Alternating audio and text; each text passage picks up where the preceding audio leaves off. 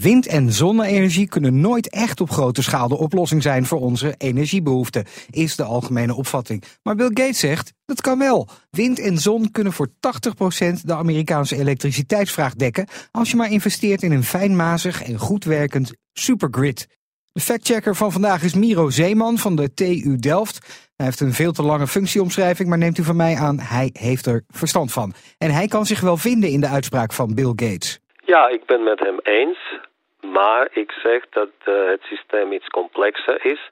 En wij moeten heel goed kijken hoe die ontwikkelingen in de ontwikkeling van transmissielijnen, maar ook in opslag uh, plaatsvindt. Wat simpel gezegd neerkomt op, als het waait in het zuiden, moet je daar je energie kunnen opwekken voor het noorden. Stel voor, in de haven komt een enorm grote uh, boot met miljoenen auto's. Nou, als wij deze auto's via snelweg niet kunnen transporteren naar plek waar we die auto's willen hebben, en als we ook geen parkeerplaats in de haven hebben, nou dan hebben we niks aan die auto's. Waarbij die haven een windmolenpark kan zijn en die auto's staan voor de opgewekte stroom. Miro Zeeman gaat nog een stukje verder zelfs dan Bill Gates. Die transmissielijnen gaan zeker helpen, maar het kan ook slimmer als uh, de opslag goedkoop wordt. En die ontwikkeling gaat onvoorstelbaar hard.